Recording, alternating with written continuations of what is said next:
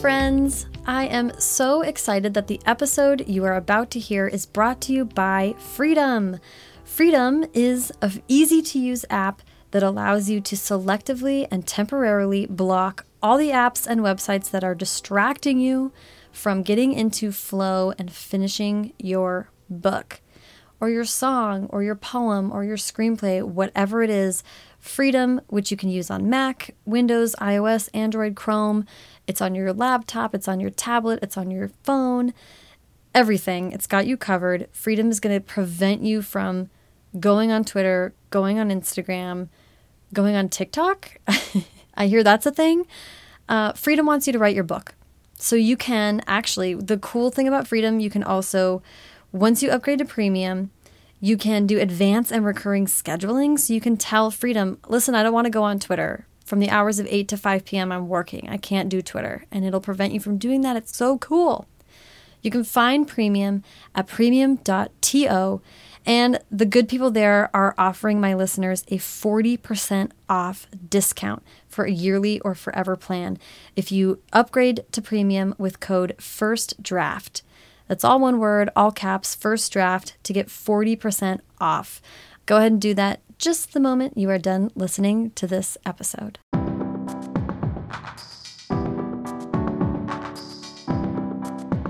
Welcome to First Draft with me, Sarah Enni. This week I'm talking to Jason Reynolds, New York Times bestselling author of critically acclaimed books including National Book Award finalist Ghost, Newbery and Printz honored Long Way Down, Coretta Scott King honoree As Brave as You, and his latest, middle grade Look Both Ways, which was just named to the National Book Award long list for young people's literature. I loved what Jason had to say about what it means to hold your square, how his past as a self publishing spoken word poet impacts his professional life today, and encouraging kids to be curious and see intention in everything. So, please sit back, relax, and enjoy the conversation. As you know, I like to start at the very beginning. So, do you mind telling me where you were born and raised? So, I was born in Washington, D.C. in 1983, which puts me at a smooth 35 years old. Yeah. I feel very good about 35ness. My 35ness is good. uh, and then raised um, just outside the city in a, in a, in a an interesting neighborhood called Oxon, I called Oxon Hill. I wanted to tell people Oxon Hill is sort of like so like when it, it, Oxon Hill used to be a part of Southeast Washington D.C. and then uh, they moved the lines and it became sort of one of those moments of like you know black folks being like hey I just need like a little bit more space. I want to put my kids or at least want a yard. And so people coming from Southeast would go just across the line because just across the line is like a yard and of course there was white flight and Oxon Hill became this black neighborhood, but it's a black neighborhood of working class people um, who just wanted a yard, and the houses were they were basically giving away the homes. Uh, and so I was, yeah, it's interesting. So I grew up in this weird sort of neighborhood, two blocks from the city line. That you, like, we would just like walk across the street, you know what I Right, mean? But we had a different zip code, and we had a yard and neighborhood, and Does that mean that the schools you went to were Maryland schools? they were Maryland Okay. schools. They were Maryland schools. It was a weird thing. Like that that whole area is strange. And and in, and in that area, you know, like people who live around it, it's like, all right, you have Oxon Hill, Marlow Heights, Temple Hills, Capitol Heights, Forest Heights, District Heights. Those neighborhoods are very different than Greenbelt, Bowie, uh, Silver Spring, right? It's a very different community in terms of uh, economics and in terms of culture, in terms of the way people are living. Uh, I liken it to sort of like Compton, right? How Compton is a suburb of Los Angeles City, right?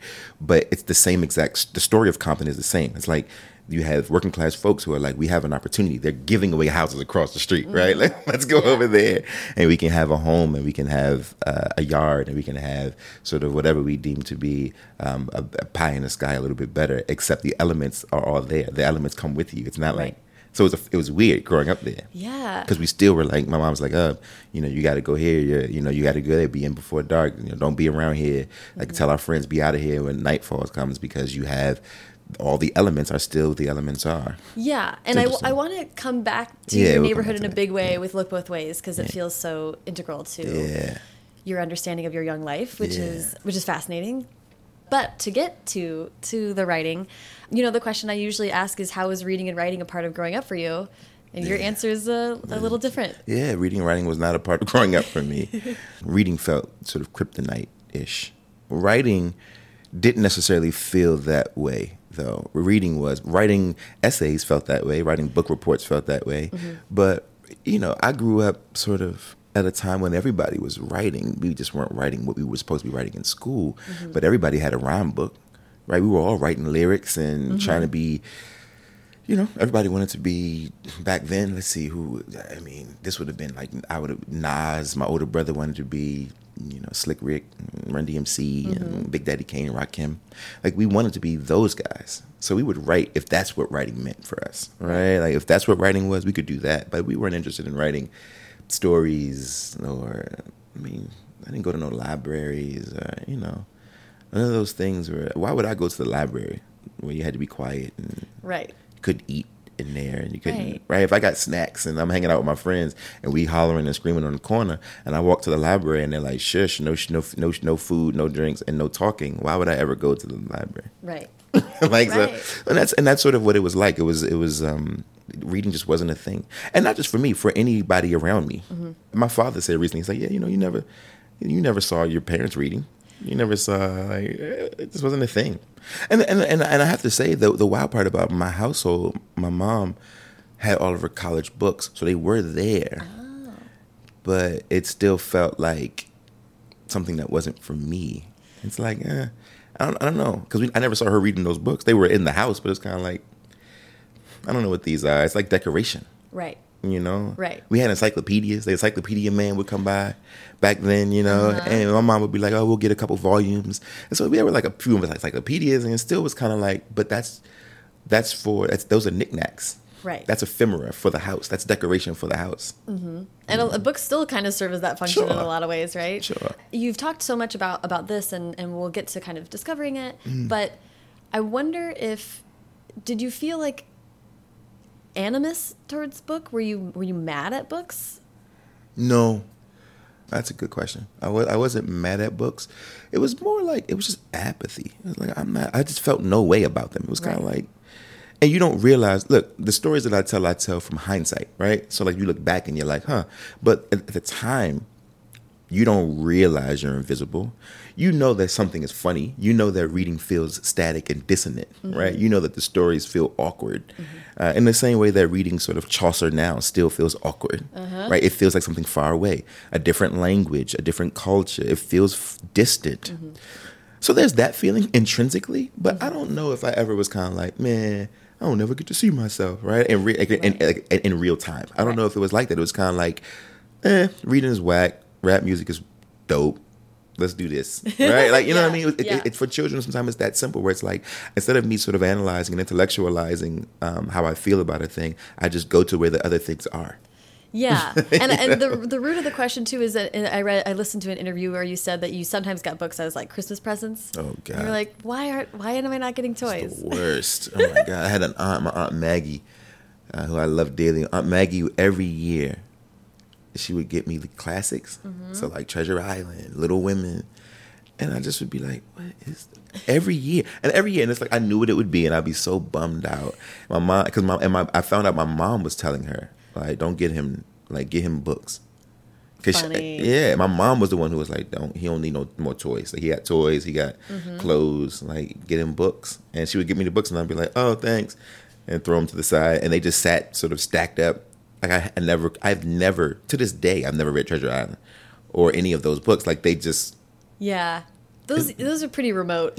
there's classics and there's classics. just like yeah. Like I, I just had no, and I honestly, I still have no desire to read any of that stuff. Yeah, yeah. Mm-hmm. Okay, well let's let's shift into what what you did discover. I mean, I would love to hear hear you talk about the shift from like knowing that you were writing like lyrics Mm. to deciding to express that as poetry and like performing poetry. Well, it's interesting, right? Because I never really wrote lyrics. So I, I mean, I later on in life I did a little bit, uh, which is a whole other part of my life I never talk about, but maybe we'll talk about it, you know. But I, I did do some of that stuff in my uh, late teens, early twenties. But when I was younger, for me, it was it, it, I've always been a kid who has been fascinated with the way people spoke. My grandfather's language, my mother's language, my uh, the way that my family members like their accents and the way that they put words together. My uncles when they were a little tipsy and the way that they sort of would run their words together. The neighborhood people, my coaches, my like I, I just have always been fascinated with language and the and what people can do with language. And so when I when the rap thing happened, which is basically you know, and I'm sure the story's been told one gazillion times, but the you know the the the Cliff's notes is that I I basically went to the store to get uh, my first rap tape, and uh, this is what this would have been 1992 if I'm not mistaken, and it was Queen Latifah's Black Reign, um, which was a lovely album, uh, classic. Right, those those are our classics, right? A classic album, and I remember um, opening it up and pulling out the liner notes and reading the lyrics. Right, I'm listening to it on the headphones, but I'm I'm reading the lyrics because back then, um, for posterity, we should say that back then, you know, everything came with with liner notes and lyrics, and you could read the thank you notes that an author wanted to write. To, I mean, it was a special thing. Yeah, I used to love that so much. Yeah. Yeah. Like it was like a twofer. Like you got your tape and you got this piece, this object um, that you could sort of look through and thumb through and read and peruse, and it was amazing. Feel connected to them. we're connected and- to them as yeah. Mm-hmm. a, as people, right? And um, Queen Latifah's lyrics uh, sort of opened up the i- the possibility of, of poetry because then I could realize, like, oh, let me go read every. I mean, Snoop had come out with Doggystyle and reading, it, like, oh, you know, and I shouldn't have been, but I'm reading it, you know, and I'm like, oh, that's it's interesting to see what he's doing with language. Um, Tupac or Slick Rick or I mean, I'm just reading the lyrics and I'm realizing that I could do that, and it wasn't the rapping part; it was the language part of it that captivated me, and so I started to write poems. And I started to write, and it was all very sort of rhymey and this, that, and the third, of course. Mm-hmm. But there, it, I felt like there was so much power in the words they were saying. You know, Yeah. I, I mean, I remember being like 13, 14. My mom had an old record player, and I would put turntables. There was a belt drive record player, and so which means that when it's, which means it wasn't it wasn't it didn't have like a like the mechanisms to just turn the wheel. It, it had a rubber band that you Yeah. right, and so Yeah. this one mechanism turned the rubber band. The rubber band turned the big wheel, and that's how the turntable spun. But when the rubber band wears out, then it doesn't spin, and so I, I had to spin the turntable. So I put the needle on it, and I spun the turntable, and it was Bob Marley's Kaya, and it and I remember listening to "Is This Love." Bob Marley's "Is This Love" for the first time, and I'm like 13, 14, and the words to that song, where he's basically saying, "We don't have much." right? Like we, we're sharing, uh, you know, in my in, in my single bed, right? We have a little bed, we have some bread, we have, you know, we have each other um, under this roof, and that's it, right? And, and and it's this love that I'm feeling, right? Because even though I don't have anything, I still feel like I have everything, and the language, the words to that song just blew me away. I remember playing Nina Simone's Four Women for the first time. Right? As a kid, I'm young, a kid, and listening to her tell the story of these four women with absolutely no conclusion. Right? There is no conclusion. It is, these are she's profiling four women, which represent arguably the four archetypes of black women over the course of history of black people in America. Right? And for me to be a kid and listen to the story of Peaches and Saffronia and Sweet Thing and Aunt Sarah uh, in the voice of Nina Simone did something to me in terms of language. Mm-hmm. Sea line woman. I have no clue what that means mm-hmm. and what it meant then. But the language of that, right? What is a sea line woman? What does that mean? She drinks coffee, she drinks tea, then she mm-hmm. goes home. What does that mean? Yeah. Right? Like, I, Yeah, and, yeah. and so those are the things. It wasn't just rap music. I talk about rap music because I connect to young people better that way. But it was it was rap music, and then it was like all the other things. I mean, my father, when I was a kid, my my, my dad he left when we were young, but when he was around. He was the greatest dad ever, and he would take us. My, my mom worked far away, and my father would have to take care of the kids in the morning, and he would take us to school. And we, when we were in the in the car, we would listen to this. Is this would have been '88, so we're listening to Tracy Chapman came out with the Tracy Chapman album, 88, right? The biggest album that year. My father was obsessed. And so to listen to Tracy Chapman say, you know, just to hear her sing Fast Car mm-hmm. and to hear her say, you know, my old man's got a problem. Mm-hmm. You know, he lives by the bottle. That's the way it is. His body's too old for working, but his body's too young to look like his. Right? If you're a kid, and I'm listening to that and I'm like, all of it did something to me chemically at a young age. And it wasn't the music. It was what was being said and how it Yeah. was being said. And that, that's how it all began. Yeah, yeah, that's and and the, your your the way you're describing it reminds me of like short stories and poems when when they ask more questions than they answer. Then, if you're a certain kind of person, that just starts all Exactly. the gears whirring in overdrive, and Exactly. um, and you want to answer it in your own way, which is so powerful. Exactly. So I can't not follow up on this. So tell me about uh, performing. I I want to hear about performing poetry, but did you try rap and music? Mm. Never. No, you never. I never did. tried rapping. I did perform poetry, of course, for a very, very, very long time. Yeah. And it it gave me stage legs in a way. Like so, people, you know, it's interesting. uh, I I've had a, an interesting time in this industry, mainly because I've been fortunate enough to have the ability to stand up in front of people and to sort of do a thing. Yeah. Right. Uh, that comes from poetry, but even before that, it comes from my mom Mm. we were forced to sort of be able to like she wanted us to make sh- for, as far as she was concerned she said look your ticket your ticket to freedom your ticket to success your ticket to a life that is autonomous has everything to do with your ability to to articulate and to speak. And it wasn't about speaking quote unquote well. My mom and she was a stickler about that too even though she ain't speak well you know but she was a stickler about that as well. But it was more about if you have something you want to say people will hear you if you say it like you mean it right Yeah. and so and so whenever we and we i lived in a i was raised in a household where we could talk back uh, which was completely against all the other households in my family and friends and neighborhoods right but my mom was like oh yeah if you disagree right if i'm punishing you and i'm saying go to your room Right. you can say, I think this is unfair. I think you're mistreating me. I think you're talking to me in a way that is is disrespectful. And We could say all those things, but if we were to say them, we had to say them like we meant it. So my mother would be like, "What'd you say?" And we'd be like, I just, and I'd be like, "I just feel like you just being." And if I'm mumbling, she's like, "Oh, mm. if you got something you want to say to me, stand on your square, pull your shoulders back, lift your head, and say it. It doesn't mean that it's going to change the outcome, but I, I know you mean it." I'll hear you. I'll hear you. Yeah. I'll hear you. And sometimes she would stand on the other side of the room. What'd you say? Right? I can't hear you over here. And so as I got older and, and performance poetry became a thing, uh, it was nothing for me to stand up in front of people and make my voice heard. I had no problem because I had been raised to believe that my voice had a place, that it, that it deserved a space in any sort of atmosphere in which I was. It I've never felt like I didn't belong wherever I was because my mother made it clear that if you really got something you need to say, hold your square, no matter what. And if they disagree, hold your square. So what? Stand there.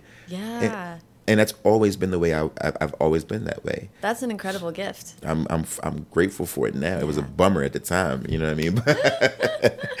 because I'm naturally a little shy, Uh, yeah. right? I'm naturally a little shy. But her whole thing was they're gonna run over you. right. they're going to run over you. So you make sure that if you've thought it all through and you're certain that you have something you need to you need to say to the world, then you let it be heard. Yeah. Um, spoken word came and performance poetry came, and I was and it saved me in other ways. I mean, it basically allowed me to sort of take this the musical elements of the thing. Yeah. Right, and put it into practice without the actual music. So now I could get on stage and I could add some rhythm and some. I could stress it and accent it and dramatize it in a way that could tap into some of the musical elements that I had grown up listening to, um, and I can I can add emotion to it in a way uh, that I hadn't been able to before, and and that was cool. For I did it for a long time. Yeah. Uh, all through. I mean, fifteen, from fifteen to probably about twenty five. Yeah. 24. How do you think hearing your words out loud? Not not everybody does that, right? Right. Not everybody engages with what they write in a way that they're speaking and performing. Yeah. How do you think that? It's sort of this is sort of a hard question because I feel like this is just intrinsically how you write. Hmm. Is thinking about how it's going to sound. Is, do you think that's true? Or I do, but uh, it, but I don't think about how it's going to sound. I just write in a way that sounds good to me. So this is like my internal. This is my internal meter, right? Like I, because I came through the back door, and because I came through music and poetry and spoken word and and all those elements, the only thing that matters to me intuitively is does it sound good? Does it feel good? Mm-hmm. Right? Like I want the same way, the same chills that I feel every time I hear that Tracy Chapman line. Every time it's been what uh, it's now twenty years. 20 years Are we doing the math? Is that 30 20 years or 30? 30 years Oh it's been 30, 30. years and i still get the chills right? Or when, or the or the acapella song. Last night I heard the screaming, loud voices behind the wall. Mm. Another sleepless night for me. Wouldn't do no good to call the police because they always come late when they come at all. If they come at all, I can feel my body. I can feel the pennies roll down my spine right now, Mm-hmm. right? Reciting somebody else's lyric, right? I want that Mm-hmm. in my work. I want people to read it, and when they're reading it out loud or, or to themselves, they can feel the creepy crawlies run up their legs. I want that, but I have to feel it first. Right. And so, a lot of my process is me sort of reading these things aloud and, and really trying to make sure that it sounds good to me, that it feels good to me, and all of that comes from from the music and all the other things, you know. Yeah. Yeah. There, I've had people say this on the show, and I agree that, like, you can't ask a reader to cry if you don't cry while you're writing it. Yeah. Mm-hmm. That's just going to come through. It's just going to feel that way when they when they interpret it themselves. I want to talk about college and the self-publishing experience you had Yeah. and that first book because I feel like that it has informed a lot of how you professionally like move through the world. Yeah. So do you mind kind of That's telling me that story? Well, so I'm 16, and uh, so I get to college early. Oh, I didn't know that. Yeah, I got to college at I had I was uh, oh gosh, I always mess up the math. I think I was about to be 16. Okay. My freshman year. And yeah, and I get to school, but before I got to college, I remember being that summer I had been doing spoken word. I was everywhere. So I was all up and down the East Coast. I was like, because I was a kid, I was young. And so they would like, when, you're young and you're doing something that feels, that feels at the time like an anomaly because I was so young. See, now there's like a whole crop of 15 year olds because there's like youth poetry. We didn't have any of that. That wasn't a thing. Right. So you had to go into the clubs with the with the adults and you had to wait to lay in and get on a microphone and, and get your get yours off. Mm-hmm. Right. And so because of that, I was known because there's this kid who's always around. Right. and uh, and so I remember like telling my mother like, "Yo, I'm gonna I'm gonna write a book," you know, because I had been in Baltimore, and I would always go up to Baltimore. There was a spot called Five Seasons, and in Baltimore they had this really rich scene of poets, and there was one poet named Aisha Cherry. Who's a dear friend of mine still to this day, uh, and she was like, "Yo, I'm gonna." She had started like a like a vanity press. She was like, "Yo, I'm basically going to like publish all of the writers who are in who are around us. I'm just going to put out their books, and basically all it was was I'm going to basically format your book, and, and we're going you're going to pay for the printing of it, and that's Right. going to be that, right? Right. And I'm going to figure out how to get an ISBN number, the- right? We were just learning all this process. We're going to find call the Library of Congress. We're going to do this whole thing, and uh, back then it was like thirty dollars to copyright. And it's so interesting. it's so cool to be DIY about it. Like, like, we can do this. We can just do it, yeah.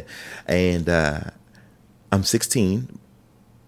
I finished my collection of poems called "Let Me Speak." I'm in college. I meet this guy, my my first semester, who's an artist, and he was like, "Yo, I'll do your book cover," and I'm like, "Perfect, right?" And his name's Jason. So I was like, "Perfect." So he does the book cover, and I pay I think five hundred dollars or something, and we get like a thousand books or five hundred books or something like that, and uh, start hustling. You know, I'm doing all these shows, and now I have this product.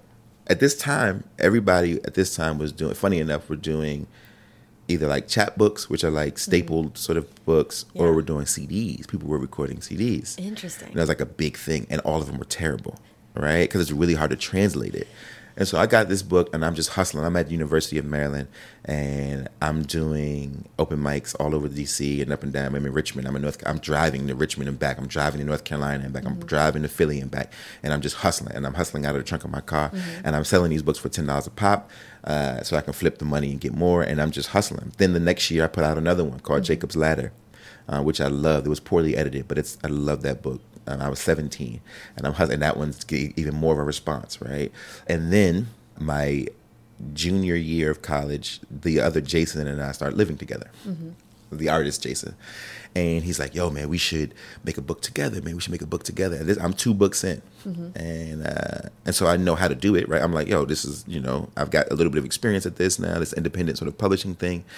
And he's like, we're gonna do like a coffee table book of poetry and of art, and it's gonna be this thing.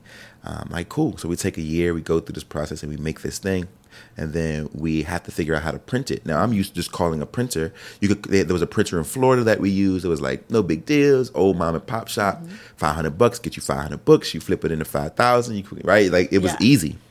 But printing art was different because he's like, I need full color, I need this, I need that, I need saturation, a whole other ballgame that I knew Yeah. nothing about. So we started looking for printers. I remember, and this is it's good to put this on record because I, I don't really I really talk about this stuff, but I remember because the internet wasn't the internet then, Yeah. you didn't know how to do or how to go about getting an agent or public, you know, all that kind of stuff. Yeah. I remember us sending the book to Phaidon. Like, y'all should publish this. Right. Right. I remember sending the book to the Pulitzer Committee and them requesting three more copies and the feeling of a response from the Pulitzer Committee. But we didn't know that that's not how it works. No, But it was kind of like, hey, check this out. And they're like, so so somewhere there's there's four copies. There's somewhere that the Pulitzer Committee of back of 2000, this would have been 0, 03. Uh-huh. Whoever was on the committee, I should find out who these people were and reach and out. if you reprint this book, it should say Pulitzer considered. I know, right? and, and it's wild to think about it, right? Like, Yeah. but that's the kind of like we were irreverent. We were kind of like just like, yo, we going, we don't care, Yes. right? Like we sent it off. But before we did all that, we had to print the book, and the way we printed the book was we found this press called Steinauer Press. They're out of, they're gone now, and they used to print for the Smithsonian. Mm. Now here we are. I'm I'm 19, mm-hmm. right? And they're like, yeah, we'll print your book. It's going to cost you thirty thousand dollars. And we're like, no problem. Whoa. Like, think about the fact. Yeah. Yeah. Whoa. I'm 19, but this is before the economic crash when you could get a high limit credit card right on your college campus. You, could, Mm. Yes. you could just walk They made that the, very easy. Yeah. you can get a Nokia phone and the right. Uh-huh. Oh, if you sign this paper, we'll give you a Nokia phone and a thirty thousand dollar credit card, and that's what it was. Wow. Swipe, swipe. Yeah. We get the books. We get a thirty thousand dollars for a thousand books. Mm-hmm. The books come. We're like, yeah, we're gonna have to sell them for fifty to break to, to make our money back. Of course, who buys a fifty dollar book from some nineteen year old kids? Mm, yeah. Your nineteen year old friends can't afford it. no. And no 19 year old's like, I, you know what? I need coffee table A coffee table book for my dorm room, right? It's like it's interesting. So, but so, but we had this idea. So we had this book. It's printed on these beautiful silk pages. Someone yesterday, when I was signing books at BEA, showed up with it in their hand and said, "Yo, I had to hunt this down. I paid an arm and a leg for it."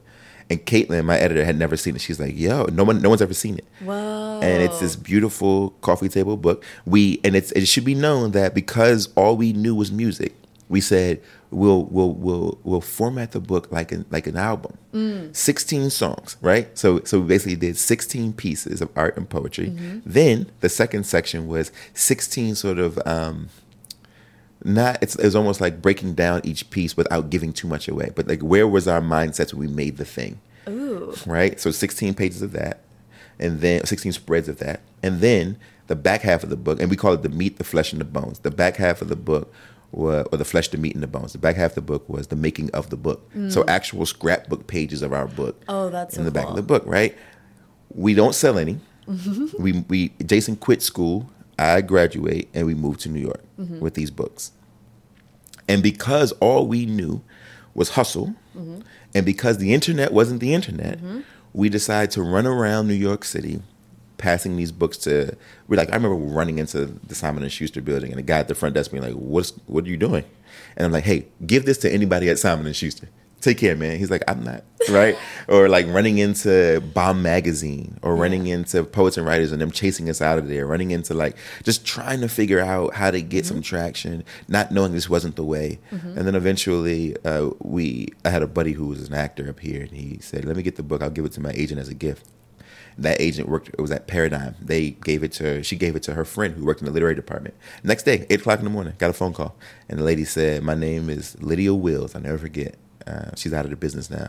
She's like my name is lydia wills. I'm an agent for paradigm.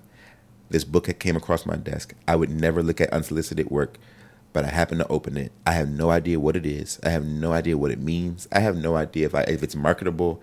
But anybody willing to invest this much in themselves, I at least have to take a meeting with, and that's how I got in the industry. That's incredible. Because, yeah, like you didn't skimp, like this was a beautiful thing. It's a beautiful object. Yeah. Even seeing it yesterday, I, it's still, twenty years later, fifteen years later, it's a it's a beautiful object. Yeah, you did it the best, pretty Yeah. much as bad as possible to do. Yes, and no And- publisher, and she said no publisher will ever do this, will ever spend this kind of money on a book. Right. And six weeks later, we were sitting in a fancy restaurant, fancy Chinese restaurant with Joanna Cotler of HarperCollins, who said, I'll never forget it, who said, we came in with defensive because we were like, they're going to try to change us because we're thinking about music. Right. Right? They're going to try to change us. Yeah, we don't want to sell out. Exactly. Yeah, yeah, yeah. And she said, first thing I want you to know is I want you to do exactly what you do. I just want to figure out how to help you do it in a way that's going to actually sell. And she's the one who taught me how to write stories, taught me story arc. I had no idea. She's the one who said, um, one day you're going to write novels. I told her, no, I wouldn't. And no desire to. And she said, why not? I said, I don't have the education for it. And then she's the one who said, which is my mantra to this day. She said, don't worry. Your intuition will take you farther than your education ever will. Your intuition got you here. Your gut. I'm a kid who has stood on his gut forever. This is it. I can't tell you. Look, there are people who are scholars when it comes to writing. That's not me. I just I can tell you what feels good to me. I can. i am I'm shooting from the hip. Every book, I'm shooting Mm-hmm. from the hip. I always have, and it hasn't failed me. Yeah. I love I'm so happy that we got to hear that story because that is like I was just, you know, researching and trying to create a timeline of your life and I was like it, it seems like it was established pretty early Hmm. that you were going to do what felt right and hustle Hustle. and not and just knock on as many doors as it takes. Yeah, So let's see here. and it's still that's still that way. Yeah, exactly. I mean, my whole career. I mean, I haven't had a publicity plan. There's no marketing plan for me, right? Matter of fact, we couldn't sell the first book because when I was the greatest, uh, it's funny. I was with my agent yesterday, and she's we were laughing about when when I was the greatest was went out to auction. Nobody wanted it because they said there was no market for it. I'm proud of all the people who have come through the door. I'm proud of my my predecessors like Jacqueline Woodson and Rita Williams Garcia. But the kind of book that when I was the greatest, and Walter, of course, the kind of book that when I was the greatest was, they literally said that we won't. There's no market for this book. And this is 2000, uh, 2012. wow. 2012. There's no market for it. They said there's no market. Like that. That's what we could not sell the book. Simon and Schuster took a gamble. Yeah. Yeah. Like think about that, right? That's so recent. Yeah, 2012 is no. So when I see like when I look at the landscape of literature now, young adult literature, and I'm looking at the Nic Stones and the Angie Thomases and and and all these people who who are swinging the bat and are doing their thing, all I can think back is like, man, man, they they There's like there's some satisfaction in them being wrong, right? Like Of course, of course, of course. And there's some, you know what it is. Also, there's some. I feel grateful and humbled to have been able to sort of like, if if if any of it has anything to do with me, which it may not, but if any of it has anything to do with that moment, mm-hmm. I feel super grateful to have made the door a little easier to open. Yeah. Right. In the same way that Walter made it, right? It's like, in the fact that he had a 30 year career and that was successful, and they still looked at my version of his work, which is all it was, Right. and say, like, Walter has a market, but there's no market for this. Fascinating. Very fat and just and and so strange headed now to think. Of like, course. Um, so nuts. Let's let's. Uh, I don't want to jump around like too much, but I want to get to when I was the greatest, and then bounce back a little bit to your personal story of your friend being murdered when you were nineteen, and how that also interacts with Sure. your writing journey. But let's talk about. So you you are in New York. You're Yeah. like making this happen. Making it happen. How does uh, when I was the greatest come about? When I was greatest comes about after I quit writing. okay, well, uh, leave me there. Yeah. so so uh, Jason and I get a deal with Harper. Yeah. We write, we take three years to write a book called My Name Is Jason Mine Too with Harper. Um, and I was fortunate enough to be walked through the process. We met with our editor every month and did read alouds in her office. Wow. Right, which never happens because she was retiring. So we were her passion project, basically. And we go through this process. The book comes out. The moment the book comes out, America goes into recession. Right. Publishing companies crumble. Uh, everything goes bad, all bad. Yeah. We sell no copies. Yeah. Um, and the book was a little experimental for that time as well. Right. Um, just way left. and uh, so we fail, right? We don't we don't sell. I lose everything. Jason moves to Queens. We lose our apartment in Brooklyn. I don't have anywhere to live. I lose my job. All these things are happening. And I decide to take a job in a clothing store. Well, I became a social worker for a while. There's a lot of things that happened, but I'm giving you the abridged version Yeah, yeah. because there's a lot that went on. But I end up uh, landing in the clothing store Mm-hmm. and working in retail. And it turns out that I loved it. It's interesting the way that we think of retail, Right. Because I I loved it. I loved being around the clothes. I loved Mm-hmm. being around. I loved helping people feel good about what they were wearing. I loved Mm-hmm. the the element of tailoring something and making it perfect for the body. I loved working with women, Mm-hmm. um, and and watching. Like it's an interesting thing to be because I sold women's clothes for Mm-hmm. the most part, and it was a wonderful experience for me to be in a space to watch women feel good. You know what I mean? And to affirm them when they felt badly about the thing that they would put on. And it was just a, a lovely experience, Yeah. you know? And I did it for a long time. And I loved it. I loved it. And I made so much money. That's the other thing. Yeah. And people don't understand that, Right. especially when you work in New York or, or LA. Working retail in New York or LA is a career. My colleagues, I had colleagues uh, in other in other stores that were like fifty Yeah. because you don't want to buy a two thousand dollar suit from a twenty year old. Right.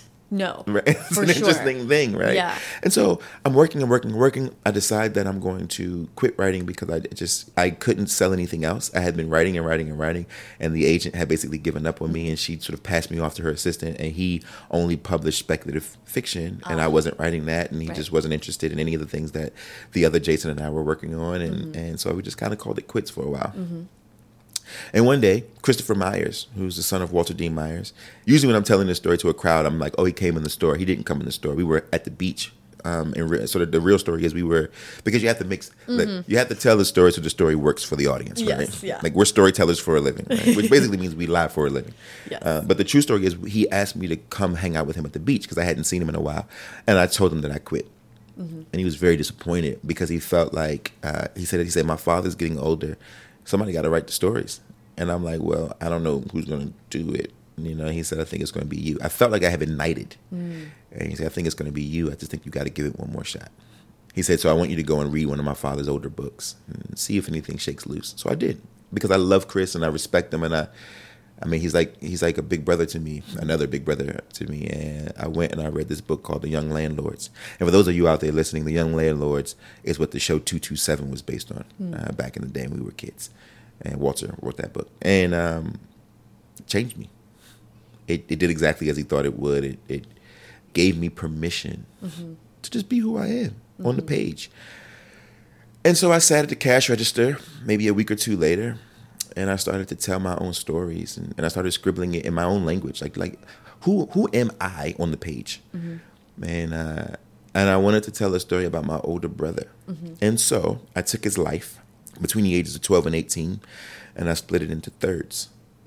The first third, which is the ages between the ages of twelve and 14 so that first the first two years of his teenage life my brother my brother had a learning difference and he was bullied terribly because of it. And that's where needles comes from mm. And then from 14 to 16 my brother becomes a bully to the bullies my brother becomes a bruiser and a bad bad dude and people were afraid of him and you know he was not to be played with and that's where Noodles. He was angry for a lot of reasons that he deserved to be angry for. His life had been he was dealt a bum hand, uh, and that's when he became. That's where Noodles comes from. And then when my brother was 16, he was stabbed in the face and he lost an eye. And when he came out of surgery, and it's interesting because all of his friends disappeared on him, and, and when he came out of surgery, it was me and him. And suddenly, this little brother that had, he had been beating up his whole life suddenly became um, his anchor point. And it was like, this kid is going to be here when everybody's gone. This blood, this is my blood. Uh, he's going to love me no matter what. And he became like the most loving person in our house.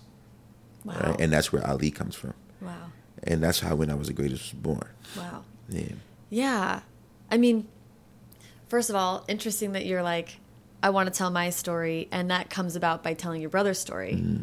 but finding yourself in his narrative. Yeah. That's so interesting. my parents. Like that whole Yeah. book is like my parents, my neighborhood. I mean, like everybody in that book, those are my friends. Like, you know, Black, the kid who cuts the hair. That's it's a real kid named Black that we grew up with who cut our hair and was you know kind of a knucklehead that didn't quite make it out of, of, of the hood. And then, uh, you know, I, uh, Malloy with the, the boxing coach. He was really a basketball coach, but that's how he was. Uh, my brother was a boxer. He was a, who hated to fight. He loved. He could fight in the street, couldn't fight in the ring. But he went to boxing practice. Yeah, went to boxing just like just like Ali. yeah. Yeah, all that stuff comes from the Momo party was a real party. It was really called a Dobbins party. I mean, in high school, and it was just like that. Oh my god, I love it. So, so what was it like to dip into prose and to go that way? It's scary. Yeah. But also liberating. It was amazing to write with such freedom, just loose. I didn't know. I was kind of like, I'm just going to do it the way I do it, do it the way I see it, the way I say it, and let's just see. Well, it's you're you're lifting some of the restrictions of poetry, right? Like Mm-hmm. writing poems or lyrics. Certainly, it's just more constricted. Yeah. And in some ways, prose is just like let loose. Like you can play a little bit more. Mm-hmm. Did it feel like like that? Was it like terrifying or was it? it, it felt you know what it is it felt like both of those things the, the one thing that I, I remember one of my my editor when she got the when I got the first edit notes she said um your poetry background is going to work in your favor because you know how to begin and end right every chapter felt like like you you you underst- I, I understood sort of how to come in and how to get out Yeah. right and how to sort of build like in that way or how to use repetition to bring people back to the one that's like jazz right no matter what we always are going to come back to the one Doom. Mm-hmm. Yeah. in all of my stories you'll see it happening like especially that first chapter you'll see me sort of if you ever heard me speak and, and give a lecture you'll see me sort of meander out to outer, outer space but eventually right it's going to like boom we're going to hit on the one every single time Uh, they're all just a toolkit Yeah. You know, repetition and metaphor and, and, and being unafraid. Poetry gave me fearlessness because even though you have the constraint of, of, of form, you have a plethora of device. Yeah. And so you can just be like, I'm going to use onomatopoeia. I'm going to say pow, pow, pow if I feel like it. Yeah. I'm going to repeat this this line over and over again if I if I think it adds to the to the story. Mm-hmm. I'm going to create more space in between the words. Yeah. You you there's a visual element to all of your books. yeah, Yeah. yeah. I mean, that's just it's a part of. It's about the poetry. I- I don't see them as that different. I tell people all the time the only difference with with poetry and in prose is that poetry is like pouring water from a ten foot from a ten foot a ten story building into a single glass, right? Like you pour it and it comes down, shoo, and it mm-hmm. goes right into a single glass. And prose is like jumping into a swimming pool, going all the way to the bottom and swimming around and looking at the mosaic tile on the floor. Both things are equally as beautiful and impressive, right? yeah, that's that's so funny. I'm like very in the visual right now. Yeah, yes. it's interesting. yeah, yeah, yeah. I love that. So so what was the response to that book and Hmm. what were your expectations like? You wrap it up, you finish it, it's gonna get Yeah. what where were you at at that time? no expectation. No, I just felt lucky to have been given a second shot.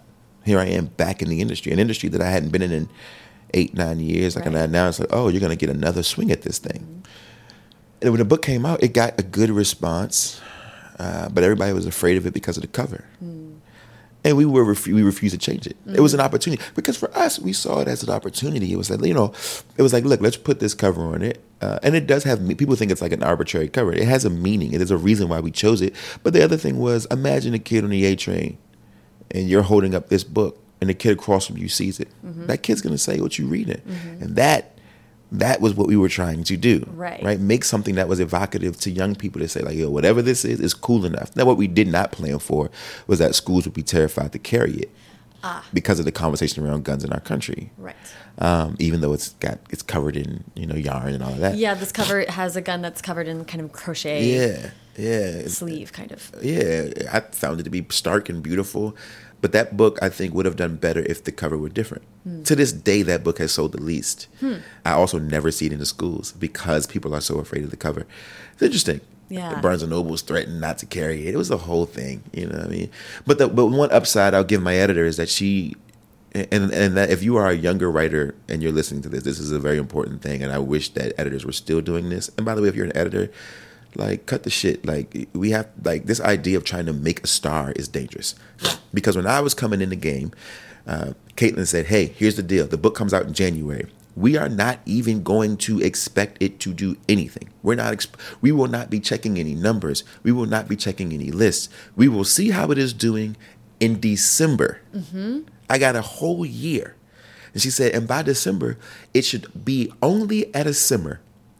It won't even be sizzling. It should be just at a simmer over the course of 12 months. So I didn't have the pressure of any list, of hitting the list. I know.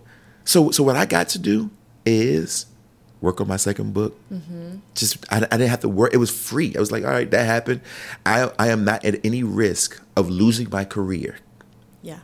It was like, all right, now just work on the next thing and make it good too. Yeah. And the next thing and the next thing. Don't worry about how the books are doing. Eventually, they'll be okay. And Caitlyn, I'll, I'll- Caitlyn Dlouhy at Simon and Schuster, I'll always make sure that I give her the credit of saying, we're playing the long game. Yes. We're playing the long game. Don't worry. We'll get there eventually. Just continue to, to focus on the integrity of your work only. Just focus on the integrity of your work. You have to make a decision. Do you want to be a writer or do you want to be famous? Those two things are rarely the same. That's so smart. And very like an editor showing that they have faith in you, an author, Yes. for a career. For a career, not just for a money grab. Yeah. Um, and I, and it, it hurts me to know that so many debut authors are stressed, are stressed out. I mean, like anxious and going through all sorts of psychological and emotional changes because they feel a pressure based on the amount of money they've been paid from the onset about how their books perform. I'm I'm glad. The other thing that should be known, since we're since I'm being an open book, which is good, is that we asked Caitlyn for a ton of money and she said she wrote me. A, I'll never forget. I have to. I have to look through my emails and see if I still have it. She wrote me an email that said, "I would love to give you that amount of money. I think your work warrants that that amount of money. But if I were to give you that money, and you underperform, Right. I have shot your career. right. So I'd rather give you this little bit of money, and we would just work it the slow way. And I'm so grateful that I said yes. And also, kudos to her for being like, let's have this conversation. Let's have this conversation. Like, let me be transparent about what the thinking is on my end. Whether or not you want to go along with that is a whole other story, but like, at least be upfront. There's a lot of, um, I wish that there was more transparency in talking to writers like we're Yes. uh, like we're business people Yes. or c- fellow career Entrepreneurs. people. right? Yeah, Exactly. Yes. Okay, entrepreneur is the word, the exact word. So I want to. So from there, I feel like your career has been defined a lot by you being out in the world, Hmm. talking about your work. That to me is so indicative of the going up and down the eastern seaboard, being a young poet, being a, a unafraid to put yourself in a room. Tell me about how that that isn't how everybody works. No. But what was your thinking about like, okay, I'm just going to get myself into schools? I knew that I didn't have a choice. When there's no market for your book, quote unquote, uh, I knew there'd be You got no. to do the field work. I knew there'd be no marketing plan. ah. Right, and so I remember being at one of my earlier meetings at Simon and Schuster, and they said, "Jason, we're gonna we're gonna put you in front of as many people as possible." What that really meant at the time was we have no plan. Mm-hmm. Right? And this isn't a slight, by the way, to Simon and Schuster. I mean, they've been good to me. I want to make that clear. They've been good to me, but that is the truth, right? Like I didn't get a rollout. It wasn't like a that. Instead, it was like, listen, we're gonna we're gonna as much as we can, we're gonna give this thing a boost. But the truth is, is that this is before the diversity push. This is before we need diverse books. This is before all of that. And it's like you're gonna have to make them believers. And so I did. And so what? And so what would happen? What ended up happening was they sent me to my first conference, mm-hmm. which was ILA or something like that. Mm-hmm. I think that's what TLA, ILA, one of the one of the Yeah, yeah, LAs. It's a lot of them. PLA. There's so many of them. There are a lot. One of the LAs, and I'm on a panel with Laurie Halse Anderson, Eliot Schrefer, and Gene Luen Yang. Now, here I am, a no one, right? Nobody knows who I am. Nobody. I have this one book that is, I think, a, it's about to come out. I think it's not even out yet. I think, and I think there's arcs or something. And uh, this particular panel wasn't. It wasn't a question and answer kind of thing. It was everybody gets to get up and give a 15 minute talk. Interesting. And here I am with like titans, right? I mean, Gene Luen Yang is at this point, he's like, right? He's on his way up. Uh, Laurie Halse Anderson is obviously a giant, right? And Eliot Schrefer had been nominated for, I think, the National Book Award twice at this point, right? And so I get up and I, this is my first, right? This is it. This is my debut. And I get up and I give a 15 minute talk connecting go go music, which is the native music to Washington, D.C., to young adult literature. And I tell a story about this music that no one's ever heard of and how it affected my life and how it directly connects to young people feeling seen and witnessed um, in our and the work that we do. And when I sat back down, Laurie Halse Anderson, who was sitting next to me, wrote on a notepad and slid it over to me and said, "Who are you with?" I said, "I'm Simon and Schuster." And then she said, "Who is your editor?" Right? And she's not at this point. I think Gene is talking, right? And she's mm-hmm. sliding me these mm-hmm. notes. and I say Caitlyn, who was also her editor for middle grade. Ah. So the Seeds of America trilogy, Caitlyn edited those books, mm-hmm. and so she was like, "I'm going to tell Caitlyn that I won't do any more conferences or any more festivals unless you're there." Right, and this is how it started. So that was my debut moment, and because Laurie Halse Anderson and Gene Luen Yang are in this room, the room is packed, mm-hmm. and I get up and I say and I do my thing. Shortly after that, right, I'm at another festival, and it's the same thing and then another festival, right? And so now, and then Sharon Draper puts out Stella by Starlight's about to come out. Jacqueline Woodson's Brown Girl Dreaming is just had just come out. Mm-hmm. Christopher Myers had some stuff out that he was he was bubbling. Uh, Laurie had just put out uh, The Impossible Knife of Memory, right? And so what started to happen was because the four or five of them were always in public spaces, they started to say my name every time.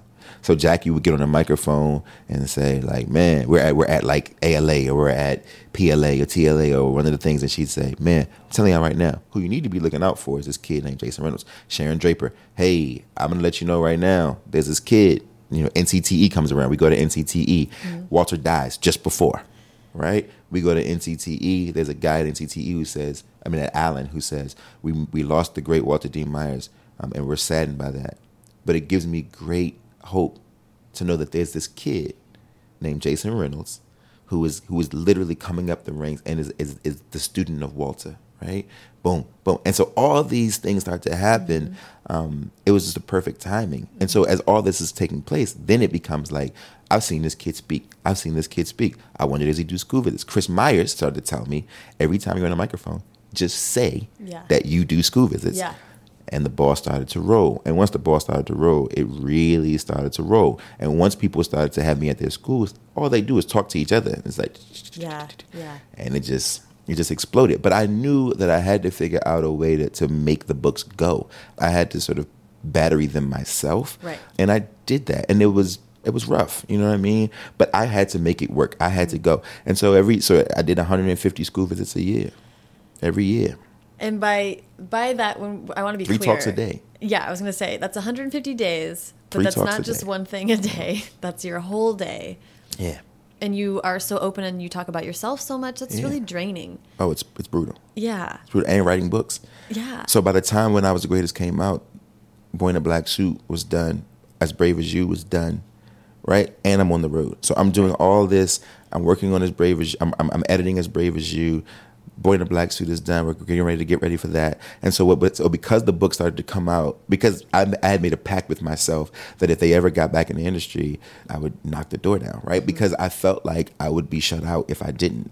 And there's a famous Walt Whitman quote in. Um, song of myself where he says it's, it's I'm paraphrasing it, but he basically says unscrew the locks from the doors, and then it's a beat. There's like a beat there, and then he says unscrew the doors from their jambs.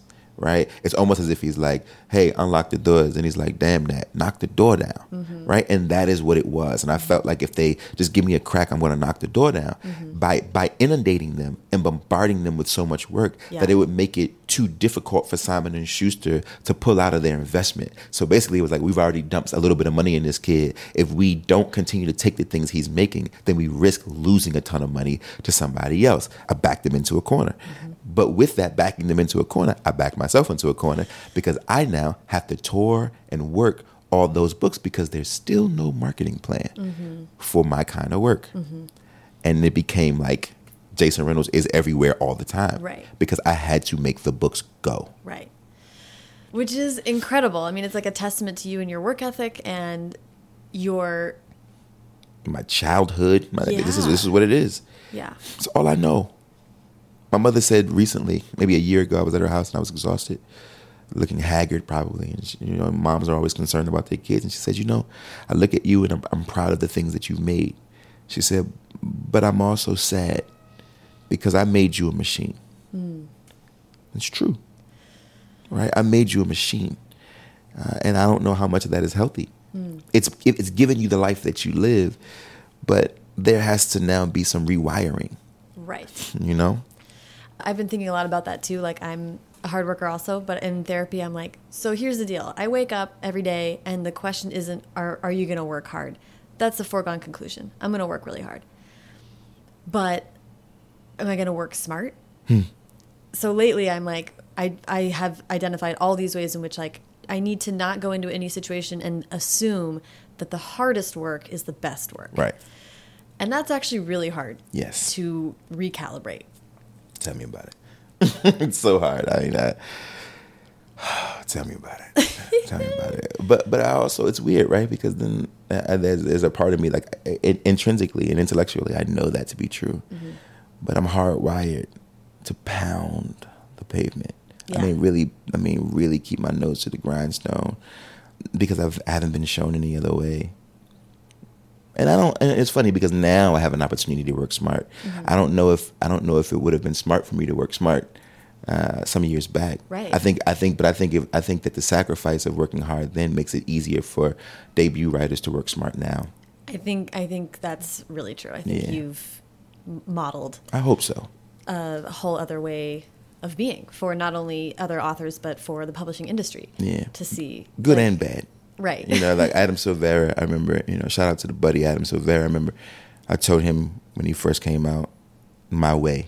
And it did some damage mm. because he tried it and it's not good. And I remember telling him, I'm so sorry that that was my advice. But at the time, that's all I knew. Mm-hmm. And now I'm telling people, like, no, no, don't do it this way. it's impressive. Everybody's like, man, three books a year, you know, that is impressive. It's like, no, that is unhealthy. Mm. That's not okay. Um, so I want to I want to talk about getting to a long way down a little yeah, bit. Yeah. Long way down is such a beautiful book. You almost can't even read the cover because it's covered in stickers of oh, things it was you. nominated for and things yeah. it won, which is so so deserved. I don't want to skip over that book because of the relationship to, again, I, I like the, the focus on neighborhood and growing up and coming yeah. back to your lived experience. So I'd love to hear about how Long Way Down came about. So first, all right. So let's do long way down. But first, let me just say, and like I'm gonna give like a quick. This is gonna be like a montage. 14 years old, I started losing my friends and family. Well, 10 years old, I started losing my family. 14 years old, I started losing my friends. Boy in a black suit comes out of that. Summertime, my brother and I go down south and spend the summer with our blind grandfather. As brave as you comes out of that. Uh, my buddy Matt Carter, when he was nine years old, his father tried to shoot him and his mom, and he ran and hid in the corner store. Ghost comes out of that. All the girls in my neighborhood, Patina comes out of that. Sunny, a guy named Randell comes out of that. Lu, a guy named Jermaine comes out of that. Right? Like these are all my stories. Now the same character that Sunny is about is the same character who was murdered when we were 19. His name is Randell Duncan, dear friend of mine. It wasn't the first time we'd lost anybody. It just stung in a different way because he was such a he was just one of those people, you know, it's like, uh, you, you can't die. Mm.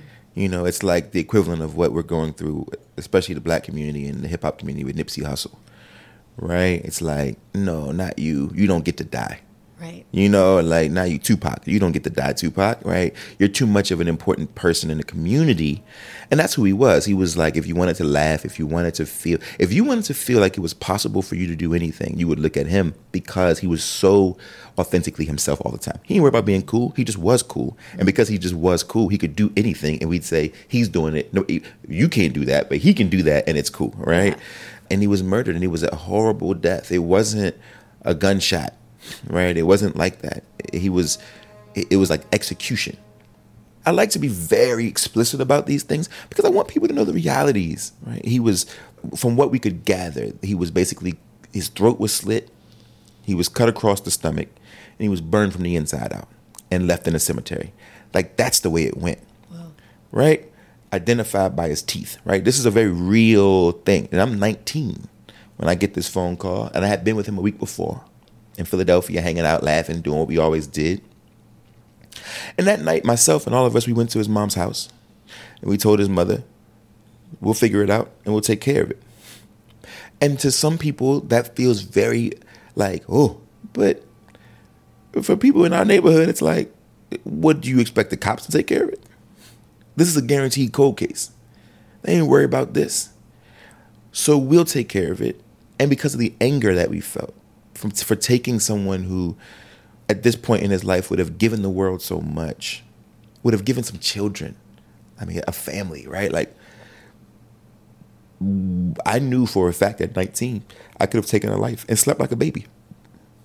It's one of those things I reckon. I, I think about it all the time. Like I could have killed the man and just went to bed Right. that night. It's a part of our humanity that we don't like to discuss. You know, but I know for a fact if something happened to me as a kid, my mother could have taken a life and slept like a baby. My father, I've watched him threaten people if he felt like his children were in jeopardy. It's, human, right? We're animals.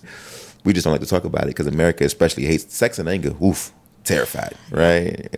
But I, I had I was face to face with a part of myself that I had never met, and I had to grapple with it. And because his mother told us to leave it alone, we left it alone. We had respect for his mom, and it's like, all right, because you say so, we'll let it go, and we let it go, and the ice began to melt over time. And I'm grateful, obviously, that I didn't do any of those things, uh, or any of my friends didn't do any of those things. And so this book is birthed out of not the idea of gun violence, which is what people like to talk about. It's like this is a book about put the guns down, right? No, this is how we market it.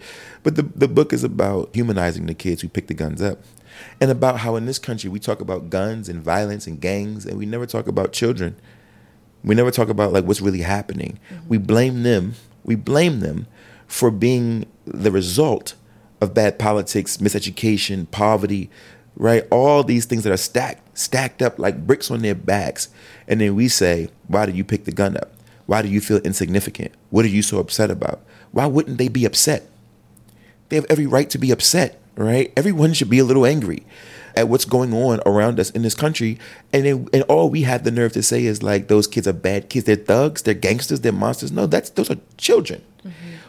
That no one has ever asked why they're so upset, why they're so angry, why they're so afraid, why they feel so insignificant and small, so small that they have to pick up a gun to feel big. What neighborhoods they live in, what are the codes, the cultural codes, the community codes, the ecosystems of their community, their family dynamics. No one's ever asked those questions. Instead, we just say, cast them aside, put them in a cage, treat them like, like animals that they are, and they're not.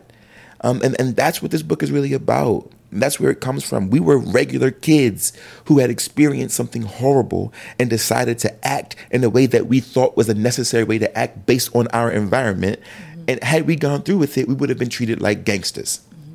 When really we were children who have been fractured. That's it. You know, that's sort of what I wanted to do and why I wanted to write that story. Yes, and doing it in prose. Mm. What was the decision making for that? I mean, I had written it. I had written it straight ahead. It just didn't work. My agent was like, "Man, you've been trying to write something in verse for a long time. You know, this maybe because I don't look. Shout out to all the people out there who write in verse for, for like everything, including my dear friend Kwame Alexander. Right, I think he's got a, a, a strong penchant for it. and He's wonderful. Um, Ellen Hopkins, right? Shout out to all of them, and I mean this sincerely. Like th- those who do it, they, I think they do it well personally, I don't know if every book, any all of my books, like I don't know if every book belongs in verse. I don't know if every book works in that way. Right. I think that they're sort of tailoring books in that way intentionally, so it's different. But I know for a fact that I can't write every book in verse. It had to be the right story, mm-hmm. and I knew that if I wrote it straight ahead, like I had wrote it in, sh- in sort of like just a normal sort of novel, prose novel. It's really difficult for me to write a book that takes you a week and a half to read and then convince you that it took place in 60 seconds. Right. I needed there to be tension. I needed it, I needed you to feel like you were on that elevator, mm-hmm. and I needed your stomach. I needed you to stay with me, right? I needed to hold you here until we got through with this because I want this to feel like a flash, a flash where it's just like, yo, this is it's a lot. It's happening. It's happening. When it's over, I want you to feel like those doors open. You're like, woof, Yeah, I right? read Like it, I read it all in a go, and that was everybody does. Right? Forty yeah. minutes, you sitting there like banging it out, uh, and I needed it to feel that way. And then the other thing is that I was writing it with the intention of making sure it was read in prisons and read in, in neighborhoods and in communities where the books really are relevant, where that story is relevant. And I had to make sure that I did not give those kids an excuse to not read it. So a few words on a page um, eliminated the excuses, eliminated the ability to pull out. It was like, no, no, no, you're going, we're going to keep you here so that we can have this conversation. And it it to me it felt like it's also beautifully designed. Mm. So not only does the pace at which you can read it make you feel like you're sort of that claustrophobic elevator feeling, Mm-hmm. increasingly crowded um, elevator feeling. The texture on the page is the inside of Oh, it. The, I mean, the whole thing is so stunning, um, and it felt when I was thinking about it like the uh, because it's though it's it's prose, but it's like a long, like it's a hefty book because Mm-hmm. you give every ro- every page has so much space Mm-hmm. given to it, which felt like it was full of all of that. Yes, I'm like uh, one of these people who kind of a mavenous person, right? It's just you know, and and ravenous when it comes to information. If it is to be known, I'd like to know it. Yeah. Right. And I'm just so I'm always sort of taking in all these things and figuring out how to filter it into my life. And so you take a cat like Alfred Hitchcock, right? And you look at the work that he did, and you realize that he wasn't really making scary movies.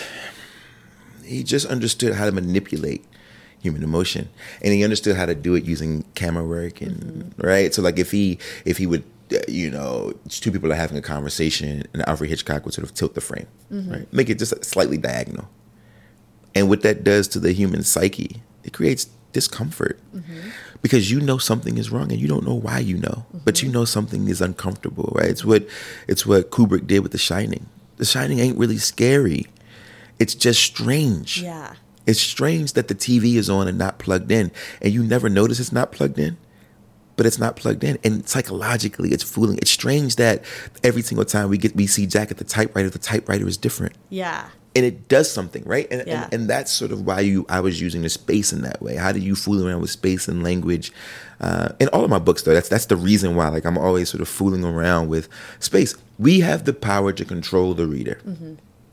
We have the power to control the reader, and I want to fool around with that. Yeah. That's not a bad thing. That's It's a good thing. That's like you need to have control of that because that's going to be. I mean, like, w- like talk about the classics and not and feeling repelled by them. How often do you open a classic book and and a page is a paragraph? It's just wall to wall, Oof. and that's impossible bummer. to connect with. it Feels like a prison. intimidating. Yeah. Yeah. How do you, where where can you breathe? Where can you breathe? Um, like the musicians say, like Quincy Jones, right? Gotta leave a little space for God. And that was his whole thing, right? Everything can't be filled up with notes. Right. Leave some space there. You Yeah. gotta leave a little space for God. You know, you gotta leave some breath there. Mm-hmm. You know, it matters in literature too. It matters in all the arts. Everybody does this. It's Ri- like writers should do the same. the best movies, the most intense and, and devastating movies have those moments of levity because Yeah. you have to like break it up and then then you can kind of reconnect. Exactly. Um, Well, thank you for sharing that story. I know Yeah. that's like really important and that book is so powerful. Um, but I want to make sure that we get to Yes. Look Both Ways, Yeah. which I just got the opportunity to read, which is so beautiful and so so fun. And it Yeah. was just such a like it was like meeting a whole like neighborhood world of people I know. Yeah. so so fun. So and and that I feel like is connected to like talking about your youth and your childhood and how you remember growing up because Mm. every every interview and thing I've watched with you, you just you come alive when you talk about your neighborhood. Oh, that's great. Place matters to you. Yes. You live in the world and you want to talk about the world and that's so fascinating to me. I feel like sometimes I'm in the clouds like I like writing about abstractions Mm-hmm. and you are you're not. You're really you're here. Yeah. So so talk to me about well first of all let's let's pitch look both ways and then let's talk about hyperlocal writing. So look both ways is it's a connected series of stories to make a single story about one school full of kids and how all those kids have a different walk home and this book follows them on their journeys home. It's honestly just a story about the walkers, mm-hmm. which was the original title, right? It's just a story about the walkers because when we think of school, typically if I were to say what are the symbols of school, people would say lockers and school buses mm-hmm. and like a lunchroom maybe, right? Um, a school bell, right? But the truth is is that the kids who walk home are having a very different experience because it's 15 minutes of unsupervised time. Yes. And everything they learn about life in the world typically is coming from that walk home. And we have a sort of epidemic of panic about kids during that time, I right? That's like when anything could Anything could happen, exactly. The boogeyman is out there. Yeah, so it felt very like kind of electric, just like okay, the, sc- the school doors close behind you, and then like don't take candy from a stranger comes from the kids who walk home right like the kids who are unsupervised and you're on your way you know boys in the hood you know the first scene of boys in the hood you want to see a dead body right these are kids who are walking like there's so much adventure there and i saw it as um i saw it as an opportunity to explore it yeah. So so talk to me about. I also was. I was so interested because it felt to me like you've been so fill, filled up by these 150 visits a year, Mm. three times a day. You see kids. You have met like thousands and thousands. Mm-hmm. probably a billion kids So this to me felt like almost you were so bursting with with kids stories that you couldn't just tell one. It's true. You know what it is? It's it's a few things, right? Uh, my my sort of my approach and angle of writing it this way. One, that, right? There's this idea that sometimes you just want to write an instance. There are things you see that happen in schools, and you're like, that's hilarious, but it's not a novel. Right. It's just a moment, but it's a good moment. So there was that. Two, I cannot understand for the life of me why we've gotten away from the short story for young people. Um, I think that the anthologies that exist right now, like Fresh Ink and Black Enough, and these are wonderful anthologies. I'm so glad they exist. But I don't. I wonder why there aren't like collections, like one writer writing a collection of shorts for kids. Uh, I don't understand what that's about. I mean, they didn't even want this to even be called a collection of short stories because they saw it as like bad marketing.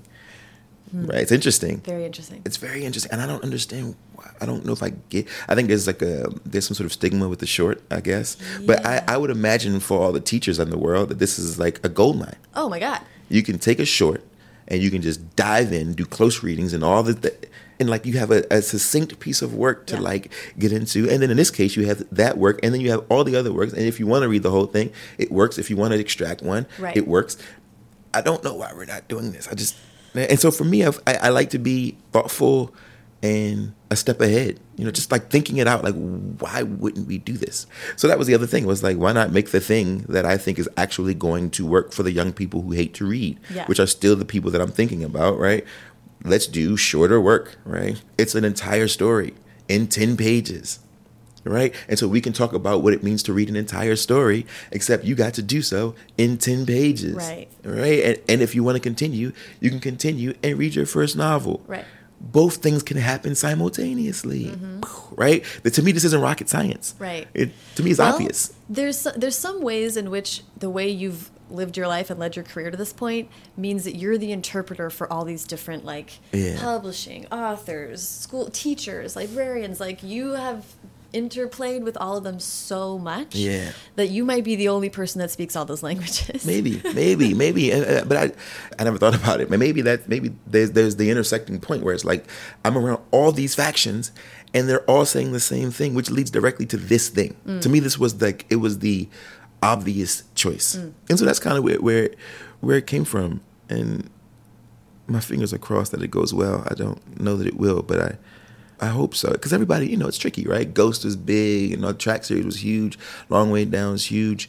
All American Boys was huge, mm-hmm. right? All very different in terms of formatting and in terms of like, right, style and this, that, and the third. And I, there's always that fear that you'll never be able to meet. You can't beat yourself, right? Right, right. That's Which is okay. It's, it's so interesting because of, of course, of course, you're concerned about that and thinking about that. Sure. But as an outsider looking at your career, I'm like, well, now you've gotten the chance to say, these are the stories I think are important. Like right now, you're building a career. You're like Yeah. in it, so you can kind of wing it a little bit. Yeah, yeah, exactly. You know, Um, which, which this isn't even winging it. This still feels so true to how you've always told stories. Like Yeah, to me, it was so. like these are grounded stories about all these kids who were all so sweet. Like I really Mm. loved like meeting all of these love those kids. seeing all these little moments with them they're so and and like really brought me back to all the like after school like stuff like little things mean so much and so much. tell me about choosing which kids to share Mm. about I always want to create a range of young folks, right? Like in any of my books, and each one of those young folks needs to have a range of emotions.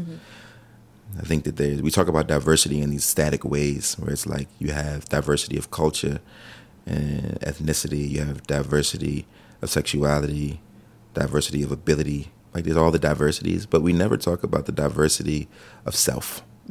Um, that I am many selves right? Like I I am diverse in and of myself, right? And uh, so I always like to write young people who show all the different ways that they are who they are, and so that's always sort of something I'm I'm trying to figure out. How do you tell stories about like you know I mean we could pick, you know you take a kid like TJ right in the, in that first story you know and and how he's this like really funny really compassionate kid right? His best friend who is a girl which is also very important for me to show that boys and girls uh, or people who identify as boys and girls can be friends. Like we don't see like i know. especially at that friend- age at like, that they're age, just buds. I had so many, even in high school, I had so many like best. Some of my best friends to this day are women, Mm-hmm. and nothing has ever happened. We've never dated. There's never been any romantic. There's none of that. It's just Right. these are my friends, um, and it's important to show that like they're friends uh, who love each other very very much. Yeah, are very silly together. very silly, and they but they understand each other, um, and to show him in one scene making her feel better in the hospital, and in another scene being afraid. And, and her having to navigate his fear without making him feel small is interesting. Yeah. Uh, you know what I mean? It's, it's interesting to because because she knows that there's something he's afraid of, mm-hmm. and there's some and that even though he pretends to be fearless, there and he pretends to be funny all the time, that really his jokes are masking another part of himself that she knows about, but that she doesn't press him on, mm-hmm. but makes it clear that she's there for him mm-hmm. if need be, and to show like foster parents, yeah. right, like an adopted mother, Yeah. and not the first one Yeah. right like and to really show like this is a kid who's complex and to show this girl who is super strong but has a disease that is trying to kill her mm-hmm. but still sees herself as like yeah i'm i'm unbeatable Right. i'm an unbeatable thing And stronger because I'm with my friend. and stronger because i'm with my friend like honestly sarah like this this book whether it does well or not it's for me probably the best writing I've ever done in terms of writing whole stories in such a short scope. Like you have a few minutes to write a story that is I mean every story is like all of the layers, mm-hmm. right? I mean you move on to how to look both both ways, right? There's a story about a young woman who's walking home from school and she doesn't have the friends. Right. right? And she's walking home from school and and she trips and falls and the fear of of embarrassment mm-hmm. Has basically turned her into a person that wants to try to control the environment around her. Doesn't want anything to change because change equals danger. Mm-hmm. Right? Change equals danger and then she meets someone who is different. Mm-hmm. And we don't necessarily know why the person is different right. uh, but the person is different, and the person is a different adult at that. Mm-hmm. Is an adult and is unthreatening, but is different.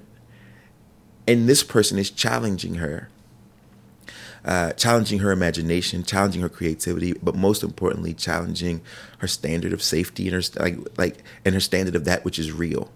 Right? Things not changing doesn't necessarily make for a safe world right? I had a buddy of mine who used to talk about Icarus, and he'd say, you know, Icarus was told not to fly too close to the sun, not to fly too close to the water, right? It's Icarus, right? Is I'm not right? Yes, yeah, yeah. yeah. And because he flew, flew, if he flew too close to the sun, he'd melt. If he flew close to the water, he'd drown. And so stay in the middle, right? But the, my buddy says, but the real question is, what if it were that the reason he was told not to fly too close to the sun isn't because he'd burn, it's because there was something up there for him. Nobody gets anything flying in the middle.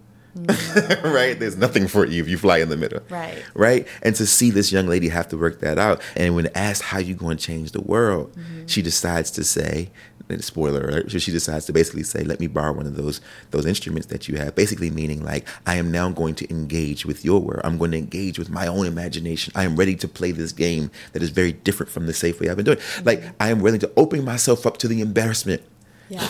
Right? I'm willing to open myself up and to watch this young lady work this out uh, and to watch her father, who's a flight attendant, right? Which means he's risking his life. He's suspending logic every day to get in a hunk of metal and fly 30,000 feet in the air. Yeah. Right? Or her mother, who's a scientist, who are watching plants grow. Yeah. Right? Depending upon the light you put on them, they grow differently. Wait, what all the different things, what does all this mean Yeah. to this young lady's life? I mean, I could go on and on, but each one of these stories, you think about the young kid who, the, the two boys, mm-hmm. right? And we don't know. We don't know if if one of these young men are, is gay or not. All we know is that something has happened and someone has stood up for him. Yeah. Yeah. I love that story too. Someone has stood up for him, and and he has tried to extend himself to say thank you. And in the moment that he tries to say thank you, the young man who stood up for him, basically is telling him like, "There's no need. You've done nothing. Right. You are innocent. You've done nothing." And that we are fighting a war that we have been fighting for a very long time. The idea of World War of World War II in the story, and the idea of the Nazi Germany in the story, the idea of an ethnic cleansing and this, and this terrible, terrible bigotry, mm-hmm. and then you have a young man who stands up and mm-hmm. says like, "No more." And I loved in that story that it was like those two boys may not have ever been friends unless they connected in this video game. in this video game. Like there's an element I think that's so interesting to say like the digital lives of children are their real lives. Right. There is no boundary anymore. Yeah. Um, so that the fact that those two boys were able to connect, They were able to connect. they're so different, But- but, but- meeting in that world that they're had meeting- shared goals. That's it. Yeah. Or the fact that you see this kid's father kiss him on the cheek every morning, right? So for him, none of this, none of this is, Right. of this is awkward. What's the big deal, right? Boy on boy affection. What's the big deal? I tell my male friends I love them every day. What's the big deal, right? Like these are the so these are the things that I'm trying. I hope that teachers and parents and whoever reads this book has has deep dives and complex conversations about what they're reading and about what all these things mean. I think, um, I mean, oh God, my favorite might be Skitter Hitter, the one about the girl on the skateboard. Yeah. Right? What does it mean to be a boy? Right? There's so much, there's so much resentment um, toward girls who excel at things that boys see themselves as. It's such a weird, Right. and we should probably talk about these things. Like, what does that mean Right. uh, for so many young women to feel so unsafe Mm-hmm. for no other reason than young than the fact that young men feel so insignificant and- Intimidated and, by- intimidated mm-hmm. and insecure. Mm-hmm. And we don't ever address it because instead what we say is you belong in all the spaces that you belong in. You deserve to be mm-hmm. this that and the third. Instead of saying like no anybody could be where you are if they work. And the fact that you've been given a seat without having to work is dangerous and harmful, right, to the people around you and the pressure put on the other boys to not do the thing, right? And the fact that, like, the, the metaphor of a uniform, what does it mean? Right. Right? Oh, don't worry, the uniform is big, you'll grow into it. What are we really talking about? Right? Like all of this sort of stuff that, that, that is woven into these really short 10 minute tales um, about the world that we live in. And on top of all of that, just being really fun and light sort of yeah stories. i mean that's that was it was so it was so joyful to read these stories and these kids are dealing with very real stuff like Mm-hmm. it was also a story of like you go to school and you don't know what's at home for everybody in class with you exactly. but The journeys are different. yeah but when they do come to school like all these kids have moments of levity and their stuff they're obsessed with and jokes yeah. that they're playing and Oh, yeah. Simeon and Kinsey. Yes, Yeah, those two it, you know? were so funny and just such like like everybody went to school and knows those 2 Mm-hmm. guys. It felt to me while reading it that there was some element, and I'm this is full projection, so Mm. tell me if this is wrong. But I was like, he must have gotten so full up with all the stories that they he he couldn't limit to just one. You know, like a book f- where you got to uh, do a little bit of everything. Yeah, for sure. I definitely wanted to do a little bit of everything. Not And- that it doesn't feel coherent, because it absolutely does. Yeah, but yeah. But I wanted to, um, I, I wanted it to be a bit of a kaleidoscope. I wanted it to feel, and, and and honestly, I wanted it to feel a little disjointed. I wanted it to feel a little ambiguous and a little bit like, huh. Like I want look, all of my work is simply used as platform for conversation, mm-hmm. springboard. I honestly am not trying to give away any answers or teach any lessons or any of those things. I just want people to finish the, finish each story and, and and have a moment to be like, what do you think this is about? Mm-hmm. How does it play into the larger landscape? Right? There's literally just the kissing of their lives, but they're they're se- eh, separate stories mm-hmm. that exist in a single world. Mm-hmm. It's no different than you know a television show like High Maintenance, right? You know that show High Maintenance. Yeah. Same thing, right? It's like all these people Yeah. And the only and the weed man in high maintenance in, would be the crossing guard and look both Yeah, ways yeah. right she is the sort of the the glue right? She's Yeah. Mm-hmm. everywhere. She's technically like the narrator right? Um and there's other there's another easter egg in the book. Oh i should give it away but uh, there's other so like there's a scene where uh so look both ways story look both both ways. There's a scene the bus comes. Mm-hmm.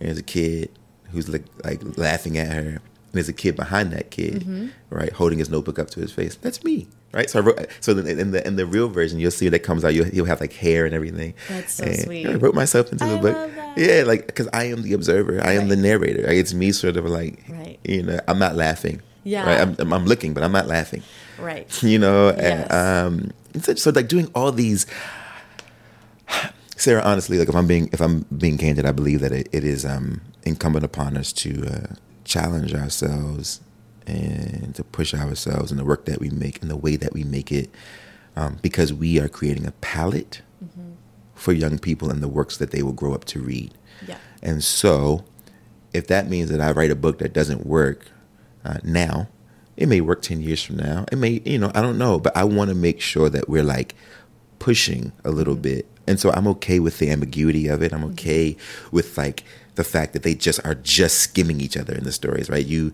you see sort of when Say So is walking through the cemetery, she sees the skateboarder, mm-hmm. right? She sees the young lady on the skateboard there, and it's just a moment of like, she's there and then you move yeah. on with the story or you see you know what i mean? Like it I, was very successful like you could definitely read them independently and you no meaning would be lost. Yeah. you can, you can jump in at any point. And it's fine yeah. you know? Or even like thinking about i want everyone to like rack their brains about what it means for the school bus to fall from the sky. I know what does it mean? And it shows itself yeah. over and over and over.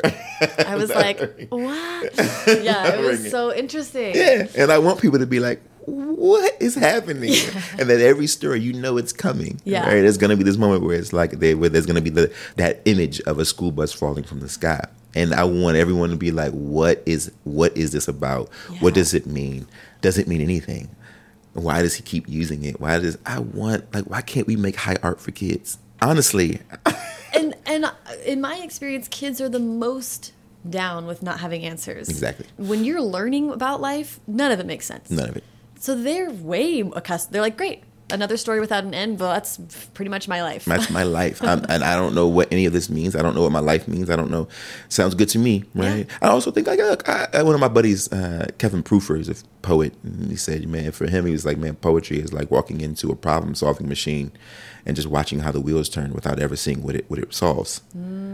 Right? Like and that that is what writing is for me, right? It's like mm. I'm I'm not here to see this the solving of the problem. I'm just trying to I'm here to literally write down how the problem is being thought through. That's it. But I don't know yeah. how it I'm just watching the wheels turn and I want to put that on the page. That's also such a compelling way to think about this like thing that we all bump up against, which is that you completely lose control of your book when it's in the world. You don't yes. get you don't get to be like, so what did you think? Wasn't the ending wonderful? It's like, I like that you're completely engaging with the lack of. It's like that's then it's not up to me. Yeah. I'm going to leave you with a question because it's not. I'm not going to answer it. Exactly. I think we give a little more freedom to what can be done, right? So, like for instance, right, you read that last story. It's about the son of the crossing guard, and it starts off with a school bus is many things, mm -hmm. right? And it gives two pages of just like all the things that a school bus yeah. could be. And there's going to be a teacher who's going to be smart enough to say, What do you think? Right? Write your list of what a school bus is. Mm-hmm. Right? It's going to, right? Like, yeah. these are very simple things that you can do if you trust the intelligence of young people. I don't have to explain why I did that. Mm-hmm. Why there's two pages of just like a school bus is a boxing ring and a this and a that, and it's like stream of consciousness. Right? Yeah. And then it finally gets to like this kid was like but for this kid a school bus is almost almost killed his a mom threat. a yeah. threat right and what does that mean right but but there's going to be teachers who are going to say oh this is great we could use this and you can have young people push themselves to think about what a school bus is or what a house is right. or what a sidewalk is mm-hmm. or what a classroom is like mm-hmm. this is what you could do mm-hmm. if you sophisticate the work just enough without turning it into something elitist or highfalutin, but as a way for you to sophisticate the work, mm-hmm. to give a little more string, right? A little more, a little more, like you have all this freedom to do what you want. I just, and this is all my work. So we like the same sort of conversations that we're having about look both ways. We could have with Long Way Down. We mm-hmm. could have mm-hmm. with Ghost. All of them are like. There's a woman, Jennifer Buehler. Do you know her? No. She's the best. She's a professor of young adult literature. We always talk about like I want us to talk about the complexities of children's literature. I mean, like really get into the layers of it. And maybe not all of us would be able to do so. That's fine. I don't think everybody has to do has to be this heady. But I do think those of us who do, I would love to really get into it mm-hmm. because I I want teachers to ask, what does why boogers? Why does he talk about boogers? Yeah. What do boogers do? What do we think of them? Right? And why is it that like he chose to use boogers? Because there is a reason there's a reason I chose this, mm-hmm. right? Why does he? I mean, you know why I chose the the, the water bear because they talk about it in the book. But when you think about like what a booger is and what we do with them, right? How we discard them, how we right this thing that is naturally like a thing that is made from both environment and us, mm-hmm. right? And it's coming out of us. Mm-hmm. And how like you, nobody wants to be a booger because boogers get boogers get wiped away. They get blown out. Yeah. And this young and how that connects to this young man's life, and connecting that to his fear. Mm-hmm and his family. And you have a completely different context and framework for the story. So people are going to read it and be like, oh, that's cool. Just ask yourself, just know that every decision that is made is made intentionally. Every single decision that is made. If a teacher is listening to this, the librarian, I'm begging you all to do close, close, close readings of every story. I promise you that every decision is a decision made intentionally and that all of it helps to frame the narrative and frame the stories and give context and open up an entirely different kind of dialogue around um, what is being written on a page around the story in and of itself. Yeah. I love that. I think we owe it to books and we owe it to kids. Yes. Yeah. Teach them. Use the book to teach kids to think critically. To don't take it for its surface, right? Lord knows we've done enough of that. Right? Like have them really do a little work and ask themselves all the questions that may seem silly to ask. And then you realize, no, there is a pot of gold at the end of it. Mm-hmm. No, there is a reason. There's a reason. You know, all of it makes sense. All of it is about, I mean, from the cigarette butts and, and all of that story, the Ooka Land story, mm-hmm. to the young man with the dog and, and everything that he's going to. I I mean, every scene. I mean, the, the the boy who goes to get the girl's phone number, you know, and and that story, which is all about sort of friendship and family, but also about the uncertainty, right? The truth of the matter is, is that I hate the fact that we always tell stories where the boy goes and gets the girl, and the girl is so grateful for the boy, and it's like, oh, finally, I have love, I have this, I have that. But really, really it should be like here I am, this boy who is who isn't the cleanest. I'm not, you know, the most, you know. Yeah, yeah, I'm- yeah. I'm, I'm not that cool. I'm not this, and that, and the third. They tease me because I smell bad. I don't mind it that they tease me, but I, I, you know, but this is what's happening, and Right. these are my friends. And you go to this girl's house, and you this is your time. You're doing it the old school way, Mm-hmm. right? And they've greased you up, and your lips are burning, and this, that, and the third. And here's your chance, and all you want to tell her is that you're impressed and you like her for all the right reasons, Mm-hmm. Mm-hmm. and you're not so certain that she's not laughing at you Right. and we never know. And there's something about writing a girl in a position of power. Mm-hmm. Everything is hinged on her opinion. She doesn't have to like you, Right. right? And so she smiled, and you're like, she smiled, and maybe it's the smile that comes just before a laugh, or maybe not. And that's how the story ends, right? Yeah. And you're like, huh. Like, Yep. but why can't we show that uncertainty and to put the girl in a position of power instead of being like, oh, thank you for loving me, Right. thank you for liking me. No, And that also that's that isn't realistic. Like this story is realistic. Yes, this is the way it really goes. Yeah, he's awkward and he's bumbling, and his friends are like revving him up. Come on, we're gonna do this. We're gonna do. ask her, man. Ask her. Ask Yeah, her. yeah, yeah. And he's so and he's so sweet. Yeah. And he means well. Yeah. But it does not guarantee him this girl's affection. She does not owe it to him. Right? Like we should tell these. I. I and I'm sorry because I can feel my. I get this. I get so manic about these things. Um, first of all, because I am obsessively like this is a big part of my sort of process and storytelling. I'm always thinking about vertical narrative, as Brendan Kiely calls it, the vertical narrative. Like, what's the story under the story? And I want all of us, not that it's my place, I'm no ambassador, but I, I want, I, I would like for us to really be pushing or thinking about those things. Like, what what is the actual story that you're telling? Right. Because it's it, if it's just the story, that's fine. But, But man, know that you'll be in a more powerful position if you know that. yeah, exactly. If you know that, right? Yeah. But but man, if, if there's a layered if there are layered tales that are challenging our kids to think about the world in which they live, or thinking about the way that they're experiencing art, not just literature, but art in general, where it's like, I wonder why the artist made these decisions. I wonder why the dancer did this thing. I wonder why the photographer chose this angle. I wonder why the like I want us to live in a world where young people are questioning all the things and assuming that there is intentionality behind all the things.